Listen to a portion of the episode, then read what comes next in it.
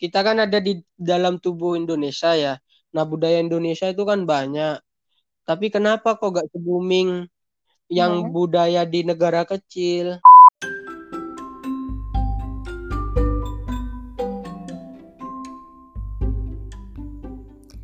Halo, selamat malam.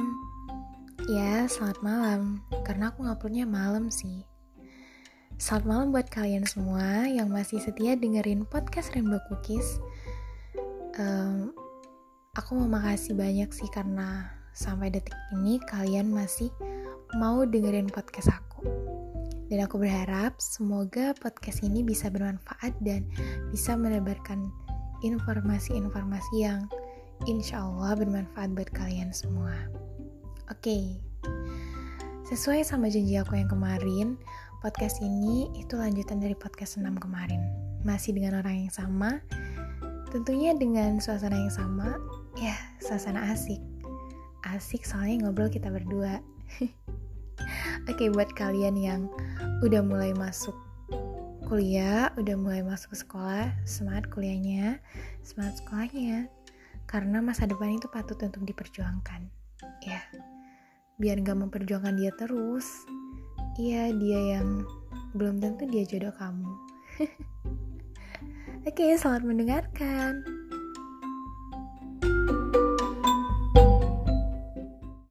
Kita kan ada di dalam tubuh Indonesia ya. Nah, budaya Indonesia itu kan banyak. Tapi kenapa kok gak se-booming yang Hmm. budaya di negara kecil? Nah, itu kan pertanyaannya. Nah, makanya itu budaya budaya itu harus dipolitisasi ya istilahnya. Ya, ya supaya paham bisa mancanegara, bisa diterima oleh orang luar. Karena masa iya kita budaya kita sendiri di dikomersilkan untuk diri sendiri kan itu aneh.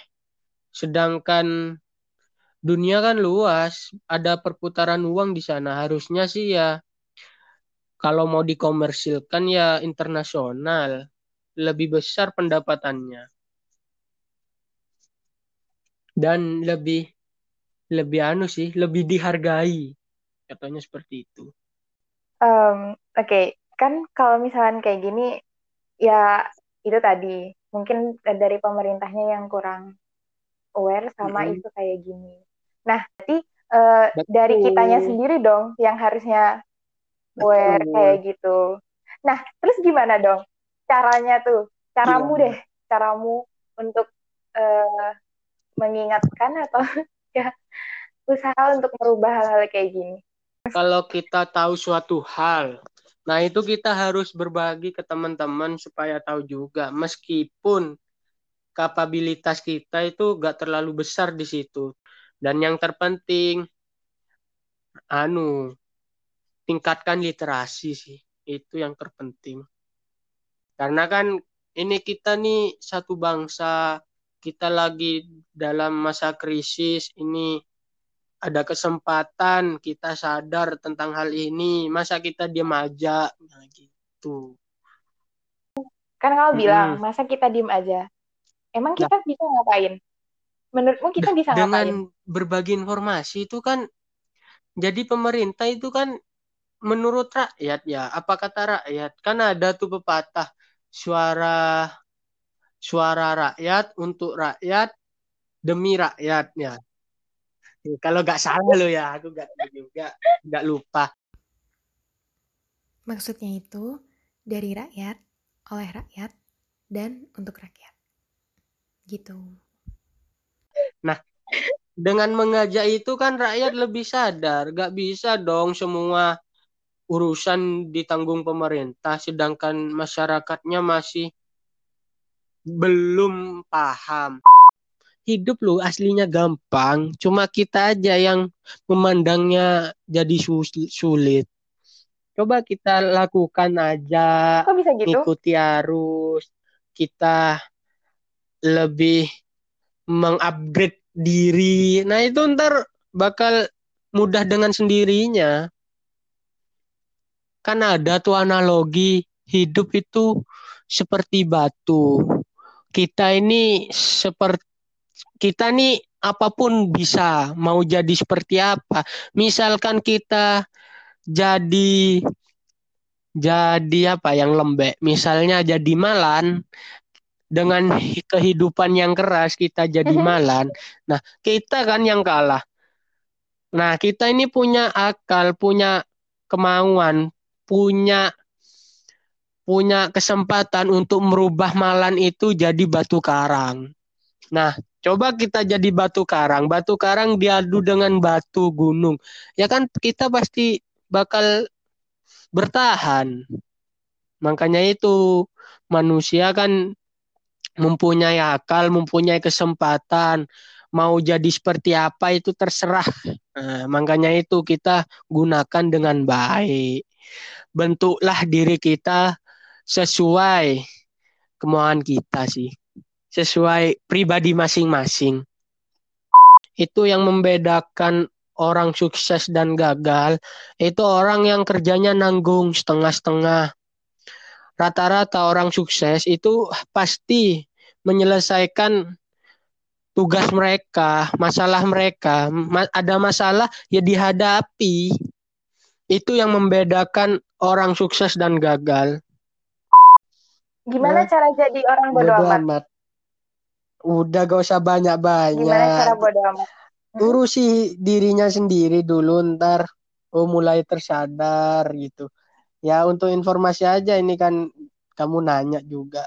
Untuk menjadi orang yang bodoh amat ya tinggalin aja hal yeah. yang gak penting sudah kelar pentingnya orang beda-beda yo ya siapa tahu pentingnya iya, mereka bener. yang menurut aku nah makanya gitu. itu membiasakan diri minimal ini kan kita harus samakan dulu penting itu seperti apa kalau menurutku penting itu yang mempunyai dampak ke hidupku itu baru penting kalau gak mempunyai dampak apa pun itu nggak penting sih menurutku. Dulu pernah di sekolah itu guru ngajar ilmu itu, terus tak tanya, Bu, ilmu hmm. tersebut saya pakai untuk apa? Pernah aku nanya gitu. ya ibunya cuma dijawab, oh ini ntar kalau kamu jadi ini baru dipakai. Oh misalnya saya gak jadi bu, gak usah ya bu, diem ibunya. Itu kenapa saat itu aku menanyakan? Karena kan aku belum menemukan zona nyaman. Baru setelah menemukan zona nyaman mencoba hal baru. Nah baru itu. Nggak apa-apa kalau zona nyaman aja belum ditemukan ngapain kita mencoba hal baru? Kan gitu. Jadinya kan nggak fokus. Kalau di target anak panah itu kita sukanya ini, terus yang kita pelajari itu. Nah, kita belum menemukan zona nyaman di titik itu, di titik ini, tapi kita udah mencoba hal baru kan susah lah, An. Nggak fokus jadinya. Tapi kadang ada orang yang uh, dia udah udah hmm. terjebak di dalam zona nyaman itu tapi dia nggak berani keluar dari zona nyaman itu kan tadi kamu ngasih contohnya kalau mm-hmm. misalnya kita udah ngerasa nyaman kita harus mencoba keluar untuk uh, apa ya kayak menantang diri kita untuk mencoba hmm. zona yang yang lain gitu nah tapi banyak orang yang dia tuh udah terlalu nyaman sama zona itu sampai dia nggak berani buat ya nah, mencoba hal yang lain. itu pasti mempunyai pro dia tuh pas biasanya gitu itu yang biasanya menghadapi masalah tapi mereka tuh gak siap. Biasanya gitu itu biasanya anu safety person. Biasanya itu orang-orang safety person itu. Jadi dia yang tipikalnya ada masalah dia lebih baik menghindar itu biasanya seperti itu orang-orang yang stay di zona nyaman sih meskipun beberapa ya buka semuanya ini loh konsep dasarnya zona nyaman itu gak bakal stay terus sih. Entar ada di mana titik jenuh. Biasanya titik jenuh itu zona nyaman itu berubah. itu biasanya akan terjadi seperti itu. Kalau zona nyaman, ada kalanya zona nyaman itu berubah. Akan berubah 180 derajat. Nah, orang itu bakal mau gak mau harus keluar dari zona tersebut. Biasanya itu. Semua itu ada konsekuensinya sih. Tergantung kita mau mengambil sikap seperti apa. Mau mengambil sikap saat zona nyaman itu berubah atau sebelum zona nyaman berubah kita udah siap. Semisal suatu saat zona nyaman itu hilang, kita udah siap ada hal baru yang udah kita biasakan diri di situ. Dan makanya pengambil sik mengambil sikap orang beda-beda. Tanpa kita sadari, semisalnya kita keluar zona nyaman sekarang, suatu saat zona nyaman itu akan hilang, kita gak gak kaget. Bukan mewajibkan orang harus keluar zona nyaman. Ini kan istilahnya memberi gambaran. Kalau zona nyaman itu ada expirednya lah istilahnya. Kalau produk tuh ada expirednya. Gak semuanya abadi. Pasti ada kalanya akan busuk ya. Kalau produk, kalau buah tuh pas busuk. Ya. Cuma memberi gambaran aja, gak gak mewajibkan orang oh harus keluar dari zona nyaman atau enggak. Nah itu yang enggak juga, tapi kan yang kita bahas itu memberi gambaran kalau zona tersebut akan hilang pada saatnya. Nah bedanya kalau kalau keluar zona nyaman sekarang sama atau nanti bedanya itu aku bahas sekarang itu lebih kaget.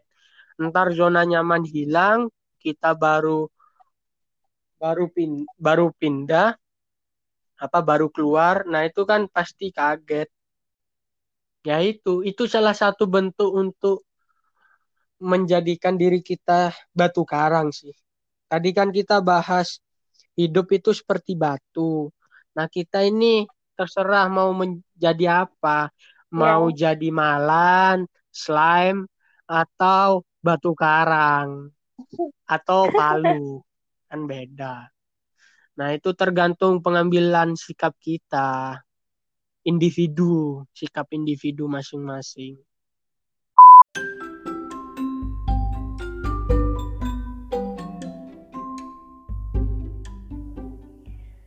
Thank you buat kalian yang udah mau dengerin and see you on the next episode.